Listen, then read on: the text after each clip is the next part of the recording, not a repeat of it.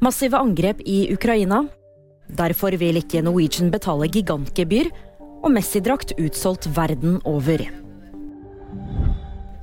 Det har vært angrep mot flere byer i Ukraina. Angrepene har bl.a. rammet kritisk infrastruktur og kraftanlegg. I hovedstaden Kyiv så har det vært eksplosjoner i flere distrikter. Nå er det hundrevis, tusenvis av mennesker som har samlet seg nede i metroen.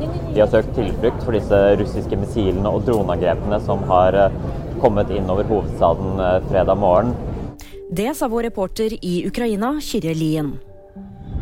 Norwegian vil ikke betale et gebyr på 400 millioner kroner, og vil ta saken til retten. Klima- og miljødepartementet mener flyselskapet må betale gebyret pga. manglende levering av klimakvoter i 2020. Flyselskapet peker derimot på at de var under rekonstruksjon i perioden kravet gjelder.